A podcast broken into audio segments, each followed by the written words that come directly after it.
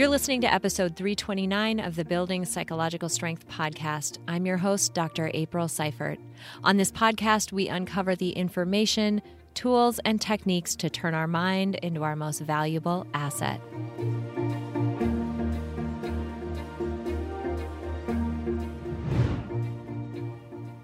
Hey everyone, welcome back to this episode of the podcast. My name is Dr. April, and I'm so thrilled that you are here to join us. First off, happy almost New Year. We're getting there, man. Wow. It is the end of 2021, and I don't know if you are like me, but I feel like 2021 is just cognitively not there. For me, somehow, the pandemic is connected to 2020. And so that year is very salient. And because we're still in the pandemic, it still feels like it's 2020 and somehow this year didn't happen. I don't know.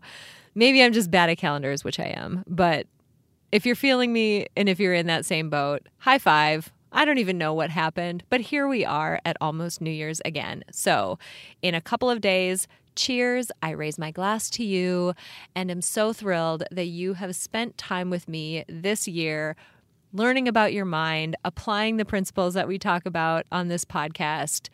You are incredible, and I'm so grateful for you. Also, looking ahead to next year, we have a ton of stuff planned. We have fun stuff coming up. So please come back. Please join us. We have tons of free stuff. We have tons of new offerings. Like, I can't even. So, cannot wait for next year. And I'm so thrilled that you're here today. Today's topics are important ones.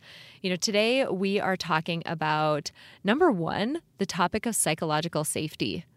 What does it mean to feel psychologically safe, both at work and in our relationships with other people? And then what does that mean for us showing up as the fullest expression of who we are with the lens of thinking about it through diversity, equity, and inclusion? It's such an interesting connection between the two topics of psychological safety and DE and I, diversity, equity, and inclusion. And I want you to think about that from a very broad way. What does it mean to be the diverse person in the room? And that can happen in a lot of ways. What does it mean to feel safe in that room? What does it mean to feel included in that room? And what can we do when we are not the diverse person in the room to help others feel that way, safe and included? It's such an important discussion for us to have, and I'm so excited to have this week's guest with us. Stephanie Roldan is the director of lean culture at Rosendin Electric. She leads Rosendin's respect for people and continuous improvement culture, simplified as lean culture. Her responsibility includes developing, setting, and leading the strategy on creating an inclusive environment and a sense of belonging for employees. She serves as the chairperson for Rosendin's Diversity, Equity, and Inclusion Committee, and she sits on the board of directors for the Arizona Foundation for Women. This is such an important conversation and one that impacted Stephanie directly as one of the very few women in construction as a trade educated electrician. She has a distinct point of view on what it feels like to be the woman in the room. And also, as someone who is thinking about how to create the culture and the culture change that helps facilitate a company in just being successful, she has an amazing point of view there. This is such an important topic for us to be talking about continuously, not just once, but continuously peeling back layers on and making a concerted effort to move the needle forward. And this goes for both times when we are the one in the room which I have definitely been in a number of cases, being the one data scientist in the room in so many cases, and in times when you are in the majority and you have the opportunity to support other people. We get into so much around that, and there's so much interweaving between these topics of psychological safety and diversity, equity, and inclusion. And I'm so thrilled that Stephanie joined us for this conversation. Hang with me for a second, and we'll dive right in.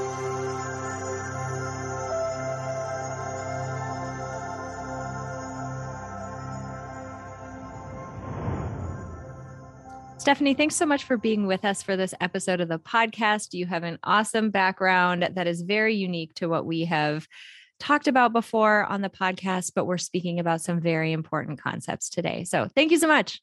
Yeah, thank you for inviting me, April. So, your background is in a field that we don't feature on the podcast very often. Tell us a little bit about you, the work that you found yourself in, and how you landed in the work that you're doing today. Yeah, so I uh, I work in the construction industry. I'm an electrician by trade, so I did an apprenticeship, um, and then I moved my way through my organization, ultimately leading towards uh, leading our people business, which includes our our training department. And inside of that, uh, as I was meandering my way through my career, I got a lot of great mentors, a lot of great coaches. And I thought, well, shoot, that's what I want to do for other people in the organization.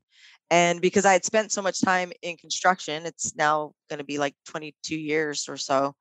Um, I had realized that, you know, in many cases, I wasn't, I was an only, and I you know spent a lot of time making sure other people felt like they belonged and that they had relationships and that i could network them with people that could help them grow their careers and so now i just do that as my actual role within our, our organization that's amazing. You mentioned being an only in the room. Let's uh, be really specific there. Women in construction, you mentioned some figures that were pretty amazing because I didn't realize uh, what the what the gender makeup was. Can you uh, tell our audience those those stats? Yeah, so in construction, it, as an industry as a whole, we hover usually between like 9.8 and 10%, and we've hovered there for of women uh, of women, right? So total population of us on the job site, you might see one in every 10 or so is a female. Um, but that includes all specialties in construction. So that might be individuals that work with tools, it's going to be engineers, it's going to be project managers, it's all the roles that we could fill. And then when it comes to actually working with our tools or building something, um, only 3% of the population. So on a job, it's even less. So, um, Three. so you can, 3%. That is so small. And it's interesting because uh, if you've ever been in a position where, and this is fun for me because the whole side of uh, gender and leadership positions, stereotypes, prejudice, and discrimination. This is what I studied for my doctoral work, did research on this stuff. So I just love having these conversations. There's an interesting perspective that, or a shift that happens when you are the only. So imagine you are walking into, I don't know, a networking event, a cocktail party, literally any room, and you are the only insert the social group especially visible ones, like physically visible ones, insert the sh- social group there. You feel that aspect of yourself more. So if you I've I've had a career in data science as well, many times been the only woman in the room and you walk in and you feel so woman or if you're the only African American person, the only man, the only whatever the case may be, you feel so that when you're the only one there. Yeah, it's so interesting that it's a physical reaction too. Like yes, you like you hit you hit the door and then you realize, oh no, and like a little bit of anxiety, some amount of like hand sweating, wherever it is you feel it, it happens. And then you've got to quickly shift into how am I going to get through it? And and what was really great about you asking me to join this podcast was was an ability to talk about that resilience that we build a little bit, right? Where it's like mm. I can take this first step. I've just got to make one new friend and then I'll be okay. That's a great point. I mean, you we talk a lot about uh thriving after a challenge. And, you know, if life was straightforward and easy and frictionless, as as cliche and so annoying to hear as it is there would be no growth because we'd have no reason to test our limits and test our boundaries and you do develop an incredible amount of resilience and also i'm curious if you noticed this in your career as well a level of adaptability that you can walk into a room, read it fast, and figure out where your place in that room is and how you're going to navigate it. So, yes, and it's it's interesting because people tell me and and I have a talent profile that also shows it that I'm naturally self-confident. And I think it's because I've had to practice this so much that it's it's part of it, right? Where it's like I can do it. I've done it before. I've practiced. Sometimes I probably failed at a networking event and not read the room right, but over those learnings it's like I can figure this out for the most part and then I can check sort of my own thinking because here's the other thing is you know bias is starting to play into this right where, mm. where you're like i mm. feel safe in this part of the room i'm not going to feel safe in that part of the room and then say why am i why am i thinking that way and then mm-hmm. checking yourself just a little bit to say okay but i'm going to feel safe over here but i know that i'm going to try and push myself outside of my comfort zone and then i'm going to see what else you know is available or you know trying to not miss an opportunity that's so good. Okay, so before we dive in because there's there's two places that I want to make sure we go with this episode. I want to just take a pause and shout out to the audience for a second. If you are a person in this audience who has been the only or one of the only, I want you to listen closely to this. Also, if you are and this is perhaps even harder because you're not going to have that physical reaction necessarily that's going to cue you that there's there's an action you need to take. If you are in your typical work social settings typically in the majority and especially if you're in the vast majority.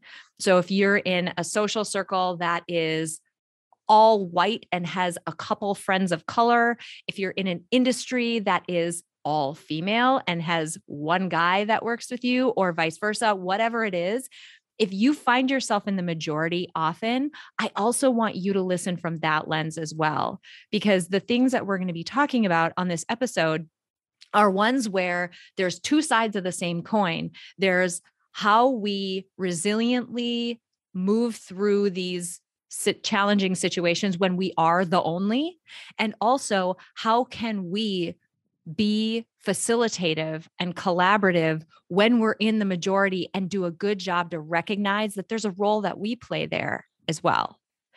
So, with that tirade, uh, I'd love to dive into a couple of topics. One you've already mentioned, and that is safety, specifically psychological safety. Can you talk about what you mean by feeling psychologically safe in a setting? Yeah. So um, the the way we use it within our organization is is a person's ability to know that if they make a mistake or um, they have an issue or they have a challenge or whatever it is, that they shouldn't have a fear that anyone will will place judgment or reprimand them or discipline them because they brought it forward.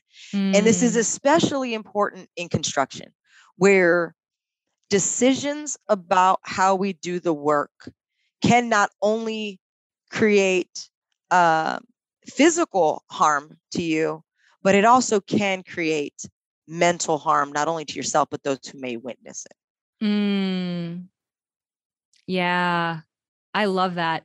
So that's so interesting because here what you're talking about it goes even further than where my mind was initially around you know when we we talked about the example of walking into the room and being sort of the person who's numerically like maybe you're the only one there and feeling hesitant right? That i that's part of it but where you're talking about is a place that's so much deeper where you are truly in a vulnerable position. You have made a mistake. You're not just there and you feel uncomfortable, but you have made a mistake. You've made a decision that didn't go well or whatever. And do you still feel safe then? That's a level of depth that I have not thought about before. Yeah. We, I mean, there is, there's so many times on a job, and, and this is for, so here's the other thing is when we think about construction for a long time, we've had sort of the non discrimination type clauses, right? But we've in our company taken it further. We've said there will be no hazing, no bullying, and no harassment. Mm. Because because again, if we're going to get anyone else to join construction, male or female, those kinds of things can't exist any longer in our culture. And what we know through research is that even when those things happen to a man or a female, it's not just that person that it happened to that feels the repercussions of that event, it's everyone else who witnessed it. And someone needs to be the one willing to stand up and say something. And in a culture that historically, if I said it, and this isn't even a mistake, but let's say I was the one willing to speak up, I might be the one who gets the repercussions from that action versus anything else. And so now, Mm. when we're saying it's not just about whether or not you made a mistake and you spoke up, but it's whether or not you feel uh, that you could come forward to change our culture and that you would feel supported by us, that that starts changing what's happening on our jobs. That's so good. Because the ripple effect of it, I mean, man, that is where culture is made, right? Like, what does it look like when somebody stands up and does the right thing and what happens to them? And then what is the likelihood that I would do the same thing in the future? And if you think about, you know, in your job, maybe on your team in your job, the culture that you want to create, or if you're not in a leadership position, the culture that you want to experience. No wonder why that ripple effect is so damaging and why it would be difficult to climb out of that hole if you're in a culture where people don't feel safe, where they do feel judged, where there would be repercussions and backlash for even just doing the right thing and trying to stand up for a colleague. You can imagine how, I'm going to say, just from a business perspective, how inefficient a, a culture like that would be. So, bottom line, if all you care about is just output and money, you should care. But then, two, the engagement level of your workforce and also the talent that will be attracted to something like that and who would stay if they witnessed it. The the tentacles of not having psychological safety. I don't know that you can overstate how far those would go. Yeah. I, I mean, that's that's to your point. If if you want just the business side of it, dollars and cents, doing the right thing is going to take care of that for you. For a lot of the times, people talk about, well, you, you know, show me the money or whatever. Most initiatives don't get picked up because unless you can prove Mhm. an ROI, they're like, I, I don't know. But when you start to base and you have a culture on safety, there's not enough investment you could make to make sure that everyone felt like they could go home safe both physically and mentally at the end of the day. And uh, you know another stat for those who don't know construction is that suicide is one of the leading killers of construction professionals. So when you're starting to think about you know and again because we're predominantly male it's going to be males who are struggling with this. Mhm. so you know, at some point you have to find a way that they can be vulnerable and that we can work through some of this stuff because the largest group of individuals that come to work for our companies is struggling with something and it has to be addressed at some point. Mhm. And they have to feel okay to bring that up, even when, and this is where, you know, I'm going to allude a little bit to where we'll go after this with um, just the diversity that we have in our workforce and who feels like they are included there. So a lot of DE and I efforts.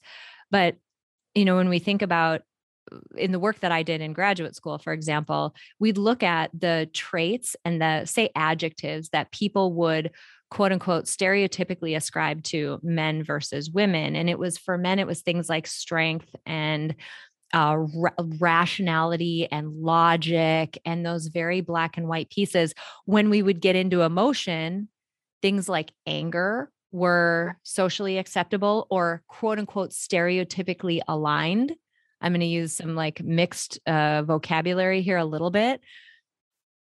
When something's stereotypically aligned, our culture tends to be okay with it because we know what to expect from you. You're quote unquote following the rules of your social group, whatever the case may be. So you can like pull out man and put a different social group in here and the adjectives change, but the concept is the same. And so when you've got a group of people who, I'm sorry, but human beings, we experience challenge and we emotionally react to it. We do. We have the ripple effect of that. We have a we have an emotional reaction to it, but when you aren't safe and allowed to express a full range of emotion, it has to go somewhere. And it doesn't end up in a great position and you end up with statistics like what you just said. And that is heartbreaking. It is. I I actually think we're harming a lot of people, both men and women, when we talk about the adjectives that we ascribe to each other. Because I have I have plenty of men on my team that are sensitive individuals that, you know, would would be forced to probably live into these stereotypical to your point strength and all these bravery and courageous and all these things that get ascribed to them right then there's a pressure applied to that and then on on my side right there's the she's uh, i don't know like my assertiveness would be much more like aggression or mm-hmm. or like you know what i mean like something else and it's and it's something that you know i i, I get coached and mentored like you, you have to work on on how you say things right and your presence and all these things and it's like it's harming me is as much as it's harming the men and it's like can we just look at individuals for individuals and the way they tend to communicate and what you know who they are and then we can figure out everything else but it's all of this sort of living up to the stereotypes and these coachings based on what we've all decided how men should behave and women should behave and, and it's like hold on this is a lot of pressure for all of us mm-hmm. and to your mm-hmm. point it all at some point craters on itself and an emotional response occurs yeah yeah. And when you think about it, it's always been interesting in this space. And we're kind of moving into that second topic of, you know, diversity, equity, and inclusion. It ties back to uh, so much of the work again that I did in graduate school. I was, I am so passionate about this because when you look on a grand scope at a macro level, and I'm going to go, I'm going to take these adjectives out of the equation for a second, and we're going to just talk about people's height like how tall are people? And we're going to talk about men and women for a second. Men, on average, are taller than women. Are there men? Is there a man who is shorter than the tallest woman? That's a dumb question. Of course there is, right? Because everybody's seen the bell curve and there's people who fall on the tails of these things and whatever.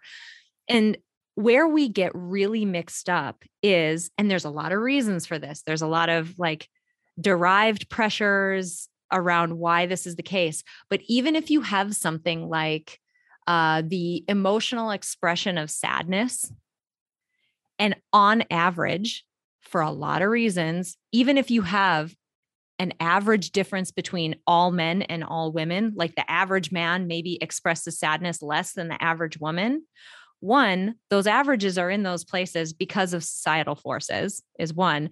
But two, that average doesn't apply to every man who goes into that average, just like not every man, I don't know how, what's the average man, like 5'10 or something? I don't even I think remember. so. I don't even know. Yeah, I think like it's that. around, it's either 5'9, 5'10. Yeah, sure. So there's five, seven guys. My husband, he says he's five, seven. I think he's like five, five.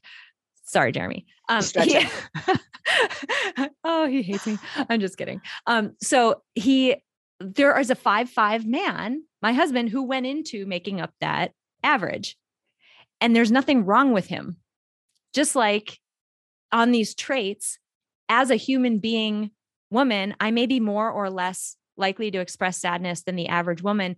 And in any given situation, I may feel more or less inclined to do it. And where I think we get into a ton of trouble is when we look at these big averages and we push them onto a microscopic contextual situation or a one multifaceted person and get so angry when we don't follow the rules 100% of the time. You're shaking your head. I would love for you to elaborate.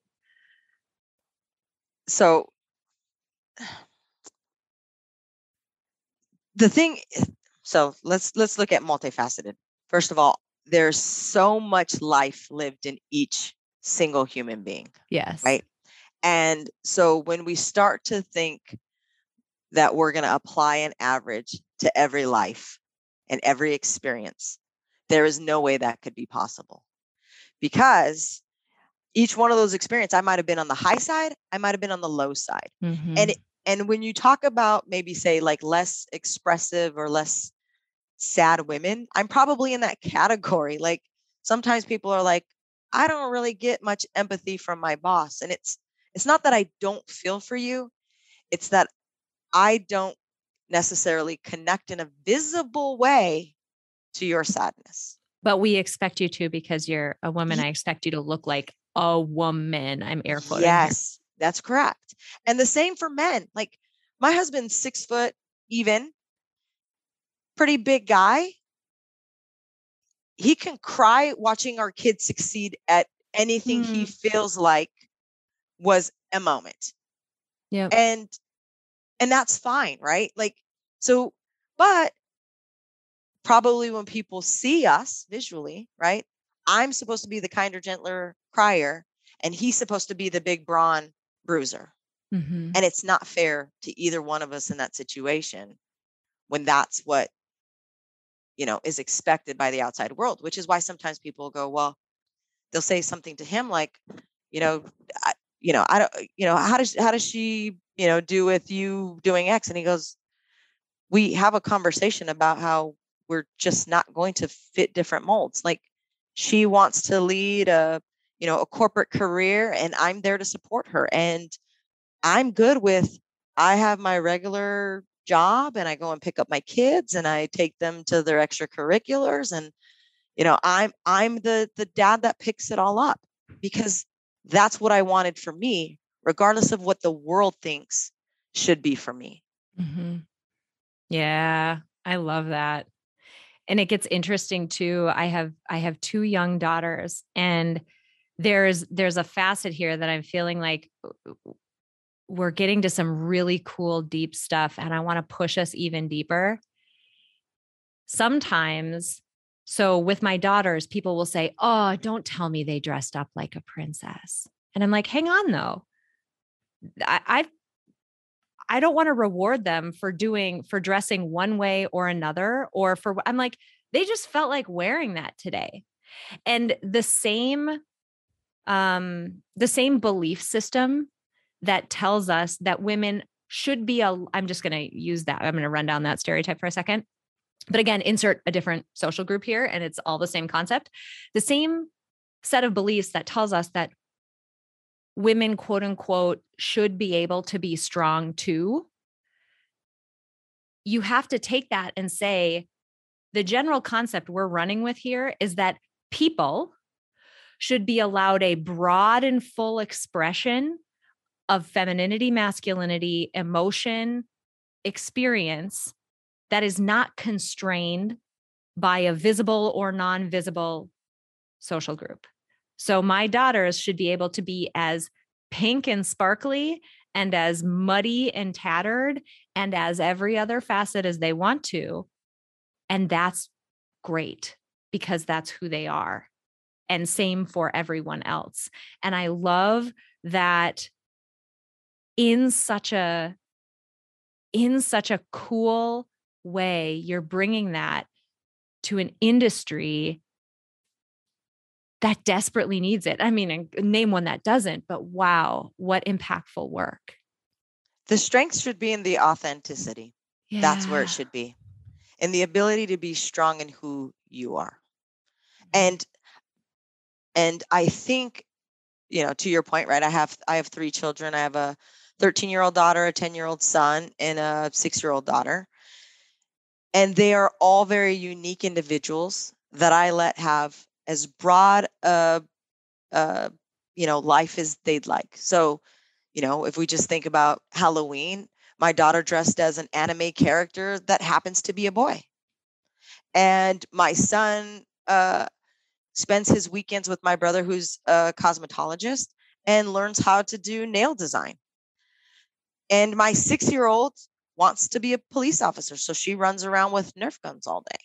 So if I limited or I said this is this is what is expected of you, they wouldn't get to see that they can develop as they would with whatever might be their talents and their strengths in life and that all i'm really asking them eh, to be is to be who they are mm-hmm. yeah i want to tie this back to psychological safety and then i want to hit another uh, because i think you're going to have a cool uh, point of view on this as well tying back to psych safety then related to your point of authenticity imagine how it would feel. I don't care where you work. If you're in a job, you are fronting in some way, most likely. You're not going into your work, most likely, the fullest, most authentic expression of yourself. And what if you could? Like, what if we could? Now, we've made huge strides in the last, I would say, decade, even But what you're experiencing there is when we're having to put that mask on or we're behaving.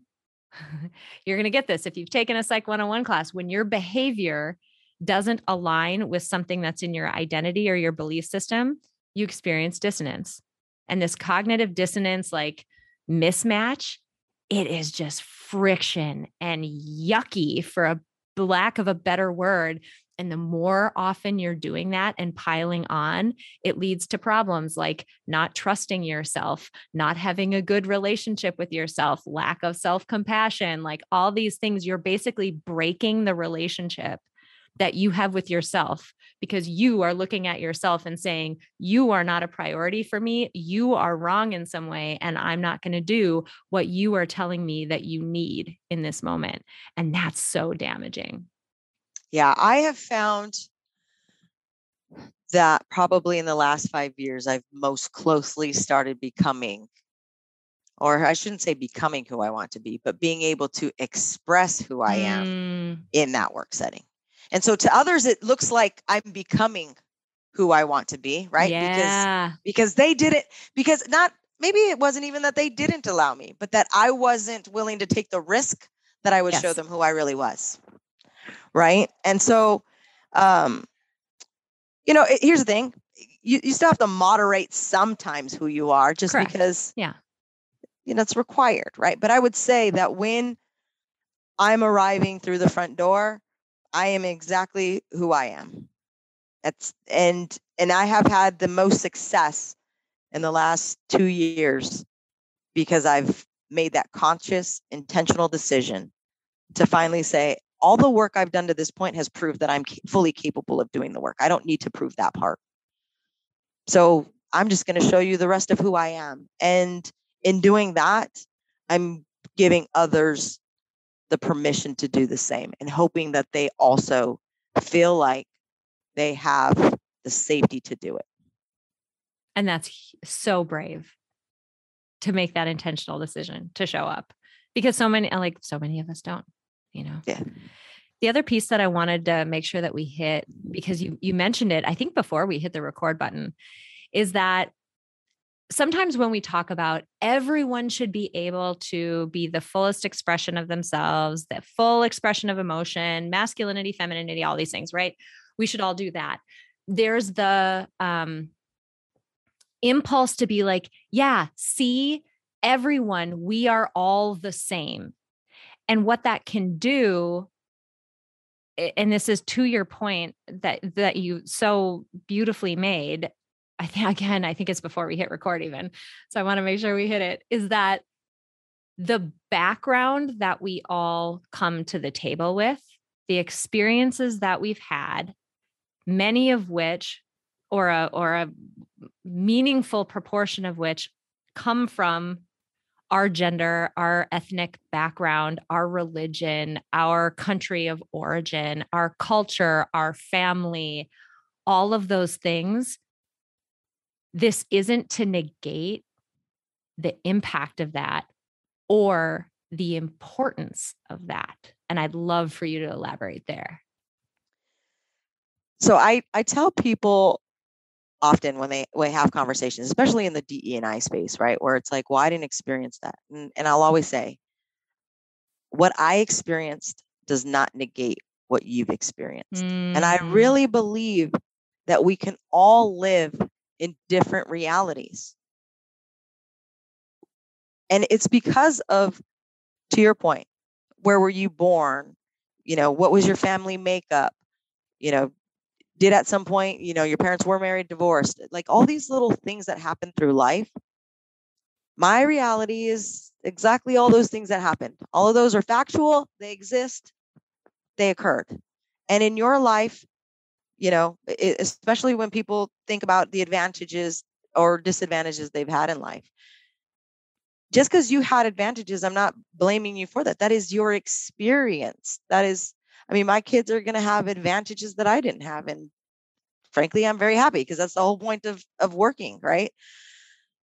They will have a very different reality than even I grew up, right? They'll talk about a childhood that was different than mine. You have people who will talk about the good old days when we ran in the streets and you didn't have to come home till the lights turned on. Well, that doesn't exist for my kids. I'm not going to have them out there on the streets running around till the lights come on. It doesn't mean that it wasn't true. It happened. And so when we start thinking about all of this, it's really just about what did I experience? What did I live? What can I share? What can I help you with? Because all of that stuff has obviously meant that I went through different challenges than you. And in the same token, because you went through yours, you can help me on different things. And it and it became obvious to me when um you know, the coach and mentor I've had the longest I've had for 22 years and he he knew me when I first started in the trade. And he taught me things about wealth because I didn't come from that background. Early investment. Your what do you do with your 401k? Like these are the things you should research. This is what you should be doing to create you know that part of your life to a point now where it's like i go back and i tell other people in my organization like here's how you start right? Because they also don't know. Trades people who pick up the trades generally aren't like people who were well off or set. But until you bump into other people and you start thinking like hey what what parts of life do you have experience with that I don't have any? And then maybe I can give you what I have. And then we're just going to be two fully stronger individuals because now we both know more. Yeah. Yeah. It's so good. It's interesting because um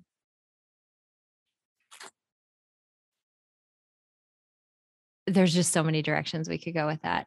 Um, it's interesting though, because it ties back again, like your ability to understand the context around which someone grew up, the history that they might be bringing with them, the pressures that are different than yours, and even the willingness of that person to share those things with you it goes right back to where we started this conversation around psychological safety. And we started by talking about it in the workplace. But it's almost a question that came into my mind now of how do we, how do I, in the in the one foot little bubble that I walk around with, right? In my little culture around me, how do I create? And I, I would love if you have tips or thoughts or whatever. This is kind of a bizarre question, but how do I individually create a situation that feels safe so that others feel comfortable being that full expression of themselves, bringing that context with because you might not even share it unless you feel like you're in a relationship where that will be respected and understood and approached with curiosity and interest and openness. So, so I think you actually just gave the answer. It's a relationship. It's, eh, I mean, when I think about it, it's, it's how am I, how am I creating full and whole relationships? And, and, you know, if you just think about the people closest in your life, you do that with a great amount of care. You do it with a great amount of compassion you do it with a great amount of um, curiosity and you do it with non-judgment and and when i think about adults i always remember that at one point they are someone else's child and so i think about mm. how would i want someone to be speaking to my child right now That is a really great tip. Because, yeah, we forget. We do. We forget that each of us was once that mm-hmm. innocent kid who's doing their best and needs care and needs protection and needs mentoring.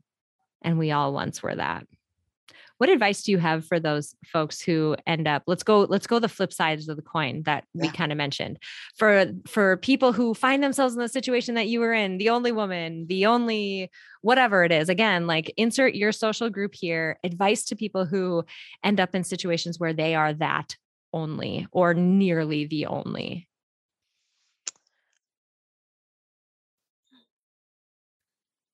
I I would say that at some point you have to have the conversation around what that feels like. Because the the majority doesn't know. And and they and without you being willing to share the story and and again this is about being uh per uh, you know uh, saying something that's personal but not necessarily private right? There's there's a difference there. And so you're going to have to do it and it hey it takes it takes a lot of thought about who you want to do it it's going to take you knowing in the relationship that you're in that you trust that individual to even have that conversation. But there's many good friends now that i've made that i've had that conversation with uh, especially in the like last couple years right where they're they're asking like how, how do i do more? right i i'm a part of this business. How do i build diverse teams? How, how do i make sure that i'm doing what I can. And for some people, it came naturally. And, you know, they had coached, mentored, promoted me, sponsored me throughout the organization. And for others, they didn't realize that my experience in, you know, being a woman in the organization, that there would even be something called pay disparity. Like in their mind, that like we're in 2021. Why would that still exist? Right. Because they're roughly my age. And I'm like, because it does. Like, I don't know why it does, but whoever's setting the rules it is happening, right? There's an unconscious bias that my skills should be paid less than your skills, and yet we have the same skills. Um, but I, but I think you know the story has to be told. And here's the interesting thing: is I think when you tell your story, it opens and invites them to tell their story. Because mm-hmm. even though mm-hmm. you felt like an only, there is always a moment in everyone's life where they felt different. That's amazing flip side of the coin, how about advice or tips when you're in the majority? When, and again, like we kind of mentioned it and you reiterated it here, that can be hard because you're you're not likely to naturally or automatically notice without some effort. And so for those who are listening, know that you might not get it perfectly right away. You might miss opportunities all over the place. But tips that you have for those times when, you know, or the the folks who are listening to this who are motivated to move in that direction to be that safe support or to create a better culture. Yeah. So when I've coached others, right, that are vastly in the the majority, I I simply say just take a, a moment to slow down and just look and observe. Because to your point, in a lot of cases, there's visible signals that there's someone who is uh, in the in the minority and especially in conferences right? Like there's there's conferences where you can go and you'll be like huh this is like majority women and those poor three men that are trying to support all those women. Like right? Like they i guarantee you they feel out of sorts. And so while we sometimes feel like, well, I'm the only or I'm the minority, now it's our turn to say, hey, did you know so and so, or welcome, or thank you for coming out, or anything that gets them engaged.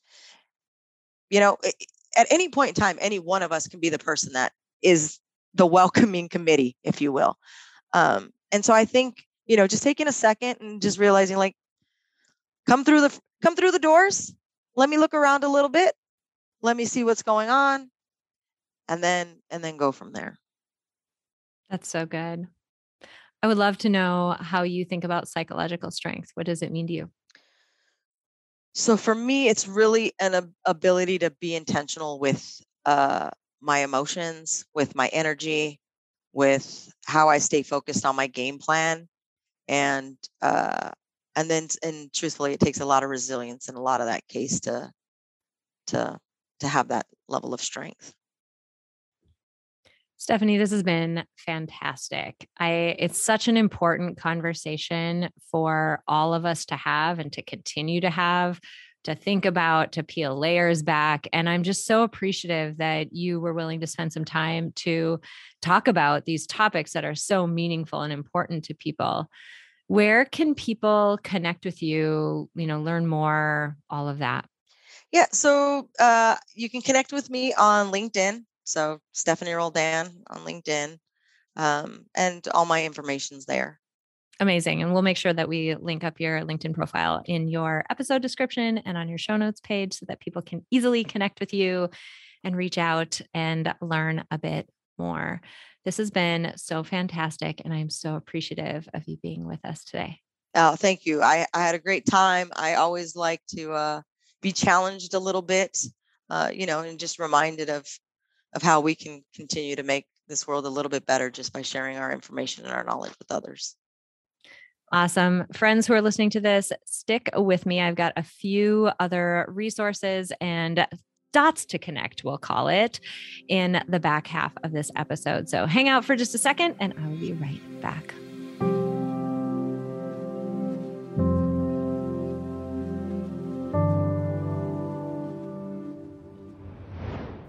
All right, friends, thanks so much for being with me for this episode. This is a topic, as you can tell, that I am incredibly passionate about. I spent an obscene amount of my life studying and conducting research in this space, and it is a place or a space and a content area and a research area and an experience that is very near and dear to my heart because I know how much it impacts so many people. Dare I say, all of us.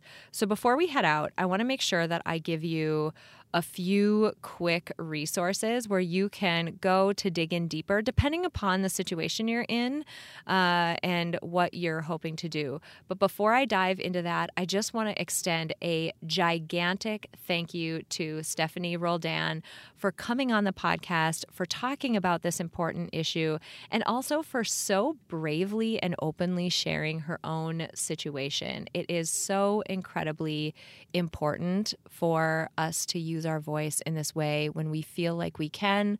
So, thank you, Stephanie, so much for being with me. It was such a great conversation.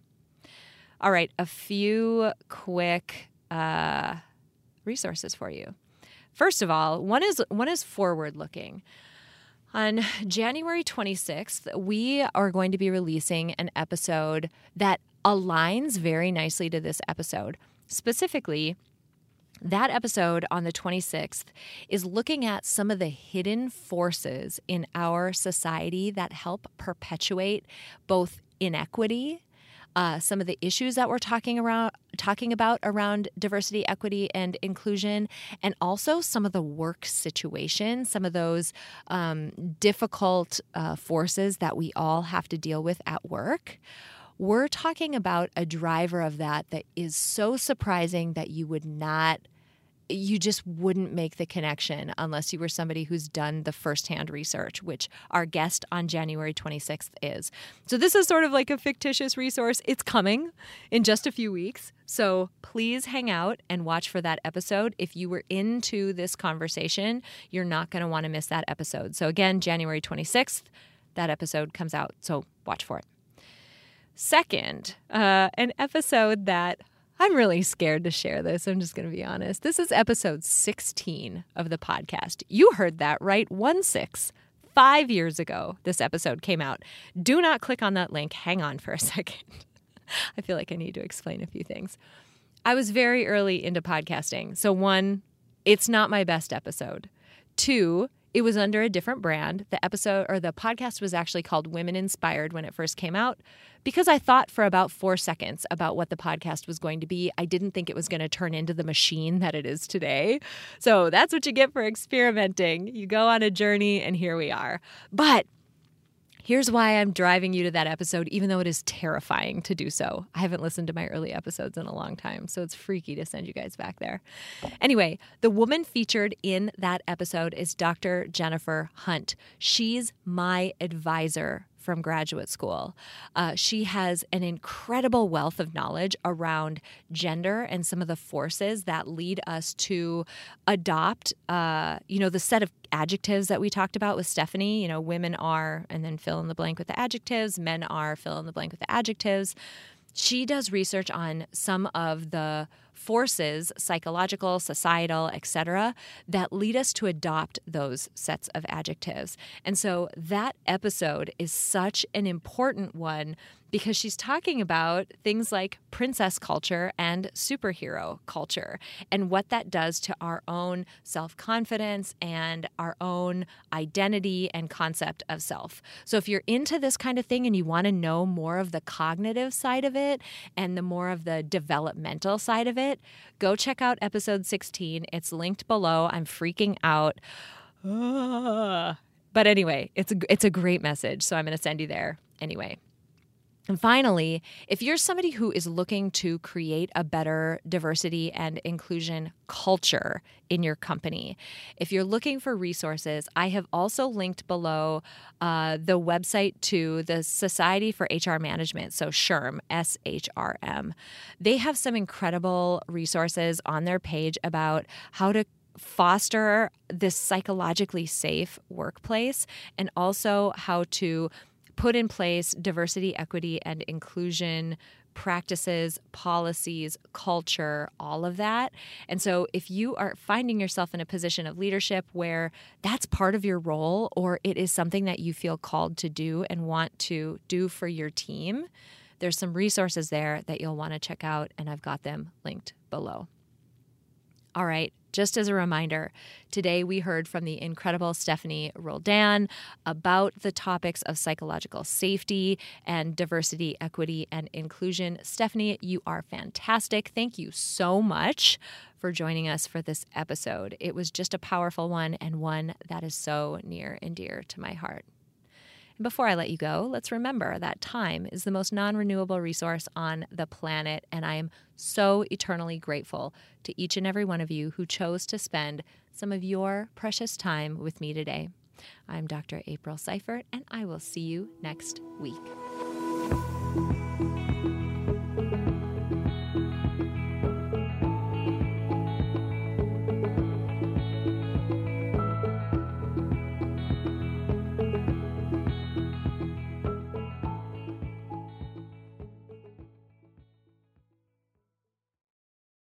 At Parker, our purpose is simple. We want to make the world a better place by working more efficiently, by using more sustainable practices, by developing better technologies. We keep moving forward. With each new idea, innovation, and partnership, we're one step closer to fulfilling our purpose every single day. To find out more, visit parker.com/purpose. Parker, engineering your success. As humans, we're naturally driven by the search for better. But when it comes to hiring, the best way to search for a candidate isn't to search at all. Don't search, match with Indeed. When I was looking to hire someone, it was so slow and overwhelming. I wish I had used Indeed. If you need to hire, you need Indeed. Indeed is your matching and hiring platform with over 350 million global monthly visitors, according to Indeed data, and a matching engine that helps you find quality candidates fast. Ditch the busy work. Use Indeed for scheduling, screening, and messaging so you can connect with candidates faster. And Indeed doesn't just help you hire faster. 93% of employers agree Indeed delivers the highest quality matches compared to other job sites, according to a recent Indeed survey. And listeners of this show will get a $75 sponsored job credit to get your jobs more visibility at Indeed.com slash podcast. That's Indeed.com slash podcast. Terms and conditions apply.